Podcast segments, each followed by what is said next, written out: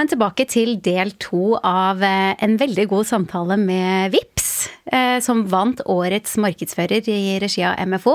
Forrige episode så vi, eh, fikk vi høre mer om caset dere, dere vant med. Den oransje tråden, og at det skal være veldig, veldig enkelt med VIPS. Vi kunne ikke la samtalen ende der, så vi, i dag skal vi snakke videre om hvordan de jobber med markedsføring. Velkommen tilbake, Hanne og Lars. Takk. Er dere klar for litt flere spørsmål? Kjør på. Veldig bra. Da kjører vi. Jeg har lyst til å eh, ta opp tråden der vi avsluttet samtalen forrige gang. Vi har eh, spurt internt hos oss eh, hva er det folk lurer på. Vi har muligheten til å snakke med selveste VIPS. Og da var det en av kollegaene våre som, som stilte spørsmålet Målinger viser at VIPS har skyhøy kjennskap blant norske forbrukere. Hvordan skal dere langsiktig jobbe for å bli aktuelle i folks mentale kjøpsøyeblikk på mer ukjente tjenester som dere utvikler. Mm. Det er eh, Caset handla litt om Eller handler om det, basically. Fordi vi, vi, har svake, vi har fortsatt svake sider. Vi har fortsatt eh, posisjoner å erobre. Og det er jo hele jobben vår. Og så skjønner vi at vi kan ikke erobre alle samtidig. Og vi kan heller ikke lage en eh, Vi kan ikke vise masse betalingssituasjoner i, en, i et reklamefilm og så tro at yes, da har vi lykkes. Så vi må ta litt sånn én ting av gangen. Og akkurat nå så, og så er det litt proof in the, in the pudding òg. Så vi kan ikke bare snakke om ting som vi kan ikke levere på sånn produktmessig heller. Så akkurat nå så har vi fortsatt en vei å gå i netthandelsmarkedet. Så det er litt vår liksom, som viktigste posisjon å forsterke oss i akkurat nå for tiden. Og det er ikke noe hemmelighet. Det, liksom, det har folk sett i reklamene vi har investert i, tiden vi bruker på det, måten vi jobber med resten av organisasjonen. Der har vi mye bra produkter. Og så er jo sammen med resten av organisasjonen og produktutvikling osv. er å jobbe med alle andre betalingssituasjoner, men også generelt sett den, det vi kaller liksom lommebokverden. Har dere med dere en lommebok i dag? Ja, vanlig fysisk lommebok, begge ja, to. Ja, ja. ja. Det er, da, dere vi begynner Jeg har også med meg en egen lommebok, eh, og jeg, jeg, tror vi begynner å bli mindretall snart. Ja. Jeg har ikke det. Du har ikke det? Nei. Nei. Og der, altså, Hvis du spør en 15-åring, 16-åring, så har ikke de De har kanskje en, en, sånn kortholder, maks, men mange av de har nok heller ikke det. Men for oss så tror jeg vi som en det liksom å kategorisere oss som en, en lommebok en digital lommebok, da, om du vil. Det er en, en, veldig spennende posisjon fremover. For da begynner vi å snakke om mer enn bare betalinger og betalingssituasjoner. Vi snakker også om hva, liksom, hva, en, hva brukte du en lommebok til i gode gamle dager? Liksom, når foreldrene deres liksom, Den var tjukk som Den var ja, var et beist. Ikke sant? ja. Den hadde kriterier Hele livet var der. Ja, hele livet. Ja. Og det var liksom alt fra kvitteringer til eh, medlemskapskort. Passbilder. Passbilder. Av venner. Ja. ja. Mm. Nettopp. Og hvis du begynner å tenke det i en digital sfære, da, så begynner liksom, da begynner vi å tenke på mange av disse liksom, mentale posisjonene der ute som er up for grabs. da. Så det er en spennende tid fremover. Vi er, men vi tar én posisjon av gangen, eh, er i hvert fall strategien foreløpig. Det blir ikke den passbildeposisjonen alle fikk? Nei, den går jeg litt lenger ned på lista. Digitale fotoalbumet. ja. Er ikke det Instagram? Nei. Ja. Uh, men jeg, altså, i forrige episode sa du at du liker å sette bilder på ting, og for meg ble det veldig tydelig hva det er dere går etter nå. Det er jo innmari fin måte å posisjonere seg på som en digital lommebok. Det blir gøy å følge med på framover og se hvordan dere gjør det kommunikasjonsmessig og Men en, et annet spørsmål, for du sa jo dere kan jo ikke treffe alle, men målgruppen deres er jo alle. Hvordan håndterer dere det i marketing og distribusjon og valg av budsjetter og mm. hele planleggingen? Ja, vi jobber jo mye i breddekanaler. Ikke til å putte under en stol. Vi, har, eh, vi kjører jo salgsmodellering, og vi sjekker mm, opp, altså, tester oppmerksomhetssekunder og en del sånne ting i digitale kanaler. Og vi ser jo at gode, gamle kino og TV er ikke så dumme mediekanaler når du skal nå folk flest, og vi er absolutt for folk flest. Vi skal nå Ola, Kari og Ali og hele Norge. Alle, alle skal eller kan ta, bruke VIPS. Så vi er ganske Vi jobber kjempe Vi jobber smart med medier og har en egen fyr som jobber på det inhouse også. Med det som Lars ikke syns burde hete performance marketing, for han mener at all markedsføring burde levere på performance. Så han heter da paid media manager i stedet. Men vi er veldig opptatt av dette med altså hvis noen noen type budskap skal du selvfølgelig kunne ha mindre, min, en mindre målgruppe, og B2B-markedsføring kan i hvert fall i en god del tilfeller være noe annet enn en bred massekommunikasjon, men at vi ikke skal gå oss vill i at nå skal vi nå kvinner 35 70 fordi at vi har et eller annet form for data som vi har gått, eh, dykket dypt ned i, og da skal vi lage innhold som treffer bare dem. Det blir veldig veldig dyrt og, og, og litt tøysete når du tross alt har et produkt som skal treffe hele Norge. Ja, det, altså, La oss si et sånn klassisk eksempel på en problemstilling. Vi har lyst til at de som i dag bruker kort på gammeldagsmetoden på nett, på netthandel. Vi har lyst til at de skal bruke kort i vips appen For de kan bruke alle kortene du har, kan du bare legge inn i Vips og bruke der. Det er lettere, enklere. Helt, helt nydelig. Du beholder fordelene dine. Ja, fantastisk. Ja. Mm. Og, men poenget mitt er at de menneskene som da eh, begynner, liksom, Det er ikke en sånn én homogen gruppe som, som driver liksom, med den gammeldags kortmetoden. De finner du overalt. Ja, det er overvekt av eldre mennesker, selvsagt. Men det finnes liksom, det er ulike settinger der ute. Så vi er nødt til å liksom være aktuelle for uh, hvor enn du bor i Norge. Om du er 40 år i Kongsvinger eller Majorstua eller Nord-Norge eller hvor enn, så må vi, vi, sørge for å både nå de, men også både nå de liksom i media, men også nå de i den kommunikasjonen vi velger å bruke. da. Mm. Men eh, du, dere snakket om at dere hadde en eh, litt sånn om markedsavdelingen, hvordan, hvem dere har der. Kan dere si litt mer om hvordan dere er rigget hos dere? Hvilke funksjoner ja. har dere internt, og hvilke tjenester henter dere fra byrå og andre uten, ja. utenom? Vi er, vi er jo ikke så mange, vi er ti stykker tror jeg nå i markedsavdelingen i Norge, og så blir vi litt flere når vi nå fusjonerer med Vips MobilePay i nordisk, men det er sånn cirka, cirka Det er ikke så mange flere til enn det. Men uh, vi er rigga litt sånn at vi har hvordan skal vi kalle det på sånn best mulig måte? Vi har, vi har valgt å kalle sånn, Vi har noe markedshode, som vi bare kaller oss på norsk. Som vi har omdøpt når vi skal bli engelsk eh, i, når vi går globalt. At vi skal hete Marketing Leads. Og Det handler litt om at vi skal ta et, eh, man har et ansvarsområde der. og Det er liksom gjerne strategiske hoder som har evne til å både prosjektlede ting, men også eh, strategisk drive det. Ta viktige viktig veivalg på veien, skjønne hvordan kommunikasjonen fungerer osv. Man sitter jo også da i businessteamene i, i VIPS og tett på selve produktutviklingen. Helt, altså, ja. Man kommer ikke inn i det produktet skal lanseres, man er med helt fra fødselen av. Yes. Eller fra før, før det. Ja. Og så har vi en bitte, bitte liten innholdsgjeng, eller inhouse-byrå som gjør litt mer eh, Altså en grafisk designer og en eh, tekst, eh, tekstforfatter. Mm. Så det er liksom Det er ikke Gjør de alt av produksjonen, eller er de Nei, de gjør en liten del. Ja. Mm. Også, men i, i, samarbeid med våre byråpartnere òg. Men vi, vi, har jo mange andre behov enn bare reklame. Om det er websider, uh, nyhetsbrev. Mm. Budskap i appen. Budskap i appen, ikke minst. Mm. Ja. ja. Ja, de, ja, vi som jobber med markedsføring, vi vet at det, det, kan aldri bli for mye innhold, på en måte. Nei, det, og det, det, er jo en annen kjepphest av meg, men eh, det kan vi ta en annen gang. det kan kanskje bli det òg. det kan noen ganger bli for mye innhold, så vi er, vi er veldig opptatt av at vi må prøve å lage kvalitet på det. Ja. Men eh, ikke sant? Vi, vi kunne sikkert lagd 1000 sånne kundehistorier, sånne caser, da, hvor eh, butikk A tjente så og så mye mer penger ved å bruke VIPS osv. osv. Så det, det, er nok å skrive om og lage. Mm. Men apropos det at, det at, det kan bli for mye innhold, da, hvis vi skal ta den eh, hakket videre. Hva, hvordan, eh, altså Data er jo viktig å sikre at man gjør de riktige tiltakene. Eh, hvordan jobber dere med, med data?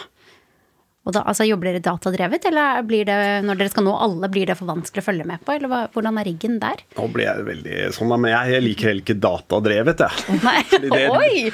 Å, det er bra. Nå får vi litt diskusjon her i dag. Ja, for jeg, det setter jeg liksom, altså, Hva betyr egentlig datadrevet? Så klart alle selskaper i 2023 forholder seg til data på en eller annen punkt. Så vi jobber med data på alt mulig rart.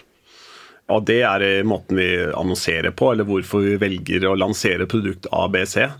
Alt handler jo om egentlig sånn, data, men vi er ikke datadrevet i sånn at vi en eller annen data sier til meg at den kommunikasjonen der skal du velge. Eller skal, liksom, Det er så mange feller i data. Det er så mange feller i liksom, å bare velge ting basert på liksom, en, en, datapunkt. Det er jo en grunn til at Det er så mange mm, som har gjort så mye dårlig valg med digital markedsføring som har skjedd de siste 10-15 årene. Man har liksom sett seg blind på likes og klikkrater og alt annet drit. Mm, mm. Men hvordan sjekker dere at, ting, at det fungerer, da? At budskapene treffer der de skal, og hvordan er dere kvalitetssikrer det? Altså, vi altså, når, når, når, Du reagerer sjøl ja, ja, altså, Datadrevet er kanskje for oss litt koblet sånn konnotasjoner til mer sånn ja, vanity metrics. Det er jo en periode der som hvor kanskje markedsføringen gikk, litt, gikk seg litt vill i å være, jobbe helt nederst i trakta og telle, telle feil ting. Mm. Vi jobber jo veldig veldig innsiktsdrevet.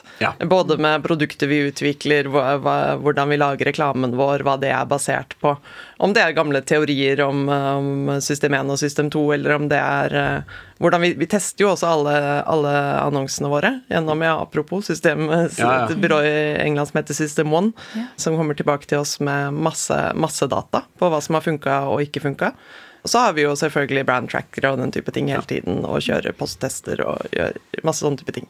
Så tror jeg vi er veldig opptatt av, fordi innsikt det er jo kombinasjonen av data pluss tolkning. Mm innsikt alene er jo ikke bare data. Innsikt er Du må ha tolkningen av all data, for vi kan gå eh, vill i all data. Så det at vi, vi, snakker om rapporter, vi snakker om hva det betyr, prøver å se mellom linjene, prøver å liksom finne ut av en konklusjon da, basert på XYZ. da.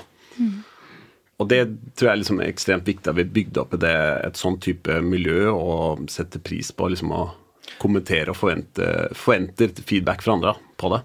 For det man også kan miste ved å bli helt sånn eh, blenda av eh, tall og, tall og målinger, er jo den X-faktoren. Det er jo den debatten også som har vært litt i marketingkretser om uh, hva som funker og ikke funker, og de som uh, leser Byron Sharp som uh, fanden leser Bibelen på den ene siden, og de som leser den som faktisk Bibelen på den andre siden. holdt jeg på å si, at det er liksom Imellom der så er det jo liksom en sannhet som kanskje som er at det er vanskelig å måle kreativitet, og det er vanskelig å vite hva som funker og ikke funker til syvende og sist. At noen ganger så må du ta leap of faith og bare satse på noe.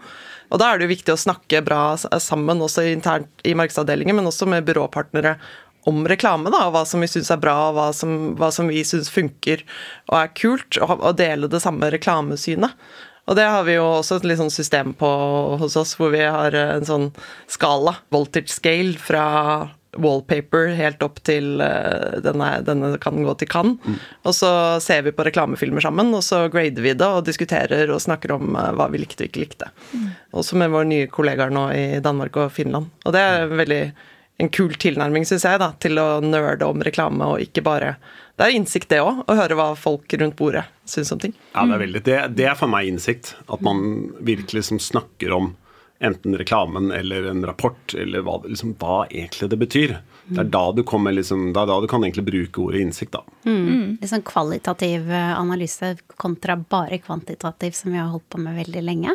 Ja. Den gode samtalen. Det jeg meg den. Men jeg tenker da må man jo også jobbe i et selskap hvor man har eh, ledere over markedsavdelingen også, som på en måte har tillit til, eh, til, at markedsavdelingen vet hva de driver med.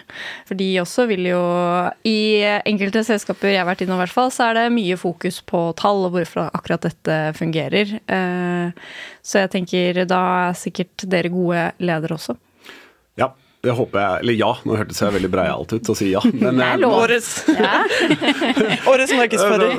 Men eller, poenget mitt er jo at fordi der, akkurat det du nevner der, er jo helt en sånn klassisk greie at man blir Fordi det finnes så mye data, så er tyngdekraften veldig kortsiktig. Mm. For det er så veldig lett å måle. Du, du, du, får nesten eh, Jeg tipper noen eh, liksom får rapporter eller SMS-er for den saks skyld, hvordan salget eller hvordan det gikk dagen før. Og da blir du jo liksom du blir så drevet av det. og Hvis du da har en ledergruppe eller hva det måtte være, som, som ser på dette her og, og begynner å liksom, blir liksom mer stressa hvis det går dårlig, eller hvis det går bra, så gir de all kreditt til den tingen du gjorde, og sånn type ting. Og da mm, Det er dritvanskelig, da. Mm. Fordi du, eh, markedsføring er jo det er jo ikke noe som liksom, nødvendigvis Det meste magien skapes jo ikke eh, her og nå. Det er en grunn til altså, Hvor ofte tror du noen kjøper en bil i løpet av livet sitt? Kanskje Tre? Tre ganger, fire tre, tre, fire ganger i løpet av et liv. Mm. Men en bilmerke annonserer jo for liksom, bygge merkevare hele livet ditt, egentlig. Mm. Fordi Nettopp fordi du skal ta de avgjørelsene der og da. Og hvis du hadde målt liksom, konverteringen på antall bilkjøp hele tiden sånn konkret ned. Nå tar jeg det som eksempel, da, for det er så, det har så lang eh, hva heter det, betalings... Ledetid. ledetid. ja. Mens oss, vi er jo, vi brukes jo sikkert Nå burde jeg kunne dette oftere, kan du det, Hanne? Hvor ofte vi brukes hver dag? Vi får være forbrukere. Jeg har det ikke on det tar på meg ikke Forskjellige heller. betalingssituasjoner også. Så- Dere fikk ikke denne SMS-en i dag tidlig. Men et godt eksempel er jo også altså B2B-kommunikasjon. da. Der eh, gjorde vi jo også en stor kampanje for første gang, en merkevarebyggende B2B-kampanje i fjor, med veldig veldig gode resultater. Og det også er jo tuftet på den erkjennelsen at 95% av beslutningstagere i B2B-markedet er jo ikke i posisjon til å bytte til å kjøpe oss der og da. Så man må bruke de samme mekanismene der til å nå markedsfører, eller til å nå bedriftsbeslutningstaker også, på samme måte som du bruker når du jobber med B2C, klassisk reklame. Så de 95% når de skal velge betalingsløsning til nettbutikken, har deg top of mind. da. Så da brukte vi også breddekanaler som radio og online video og, og utendørs f.eks. Og også innenfor helt inn den oransje tråden med veldig veldig enkelt universet. da, Sånn at eh, spillover-effekten på de som kanskje ikke har en bedrift, også, også var til stede. Spennende. Tidligere i eh, sesongen så hadde vi en eh, episode hvor vi snakket om dette med produktlanseringer. Og da snakket vi faktisk litt om, om dere, eller nevnte dere spennende eksemplene. Fordi jeg var på et foredrag eh, med Vips, og det er faktisk noen år siden. Men da snakket dere om hvordan dere jobbet med å utvikle produkter. Og at dere samlet var vel både marked og produktutvikling og kundeservice og sånn en gang i måneden. Og hadde en slags workshop hvor alle, all tilbakemeldingen som hadde kommet inn da via kundeservice, var skrevet på, en måte på Post-It-lapper, og så ble de hengt opp på veggen. Og så gikk man sammen og diskuterte er det noen av disse vi kan ta ned, er det noen low hanging fruits, hvordan skal vi på en måte videreutvikle produktet vårt videre. Så jeg er liksom spent, jobber dere sånn fortsatt? Det er fortsatt tavlemøter, som det sikkert er det det har blitt forklart her. Og så har vi jo en egen eh, Slack-kanal som heter Ideer og feedback, som vi får inn alle ideene og feedbackene som kommer direkte fra kundene våre. Og hvor vi kan da sitte og agere i real time og tagge hverandre hvis det er noe som er interessant å ta, ta tak i, og det er det jo ofte. Så jobber vi etter en sånn vi kaller prosessen for sløyfa. Og det er en sånn eh, prosess hvor vi prøver å liksom sørge for at de viktigste menneskene er, som fra alle deler av organisasjonen er involvert i den produktutviklingen, da, som bør være med. Sånn at for f.eks. vi i mark Det er sikkert mange markedsførere som opplever at de kommer litt seint inn, i- inn i noe. Bare her kan dere være snill å lansere dette for produkt, oss. Ja. det, ja. Ja, da er det gjerne litt seint eh, for mange gode eh, avklaringer eller innsikt som vi har, da. Den metodikken der er veldig viktig for oss, å kunne jobbe, komme tett nok på ting og tang, eh, som vi da jobber med. Og det er jo nå, Forhåpentligvis så får vi noen produktlanseringer i år. Og da er det jo viktig at vi, de har jo vært tett på hele veien. Så vi liksom er vi nå, Hvis vi nå får en, en grønn knapp for eh, produkt XYZ, jeg kan ikke si hva det er her og nå, så er, det jo veldig, så er vi ganske forberedt. Vi kjenner produktet inn og ut. Vi vet hvordan vi skal jobbe med det, om vi skal bygge fysisk eh, distribusjon eller tilgjengelighet først, og når vi skal gjøre noe i breddemedier osv. Så, videre, og så, videre. så vi er liksom ganske Man har jobba tett med det lenge, da. Klart å ta det ut veldig raskt. Og, Ja. ja. Mm. Vi begynner å gå mot slutten av tiden vår, dessverre. Hvis det er, Vi pleier alltid å stille sånn siste spørsmål til gjestene våre. Hvis det er én til tre ting eh, markedsførere der ute skal tenke på i året som kommer, eller hvis de, etterser, hvis de har lyst til å bli årets markedsfører, hva mener dere er det viktigste å ha på agendaen nå framover? Oh, oh, oh, oh. Ja, ok, Skal vi ta annenhver, da? For, jeg sier nummer én prioritere. Ja? Hva legger du i det, da? Altså, eh, bak, eh, de, bak årets markedsfører i fjor, da, som vi vant, eh, så gjorde vi mange mange prioriteringer. For eksempel, vi har et produkt som heter vips nummer Når dere går til lag og foreninger og kjøper vafler og sånn. Det brukte vi null kroner i media på. Og det var en tøff beslutning for oss, for det er et elsket eh, og kjært produkt. Vi tjener penger på det osv.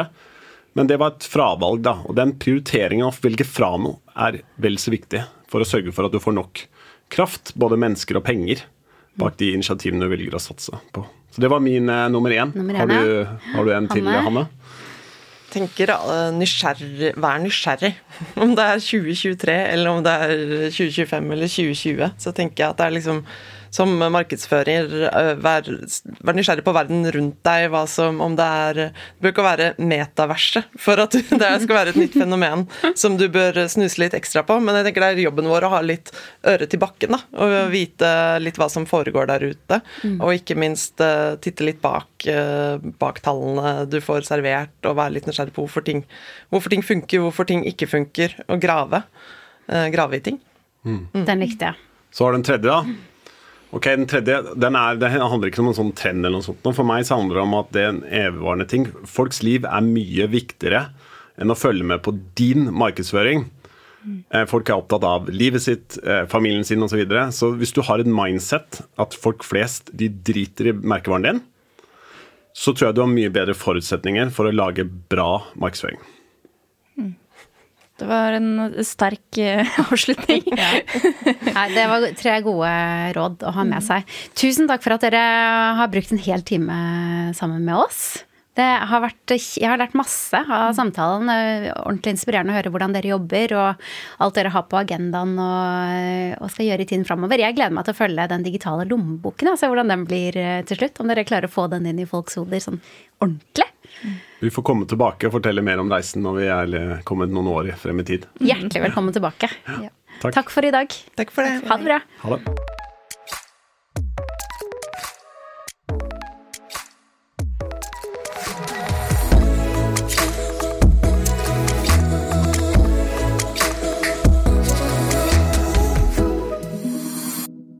Denne podkasten er produsert av Freemantle Podcast for markedssjefene.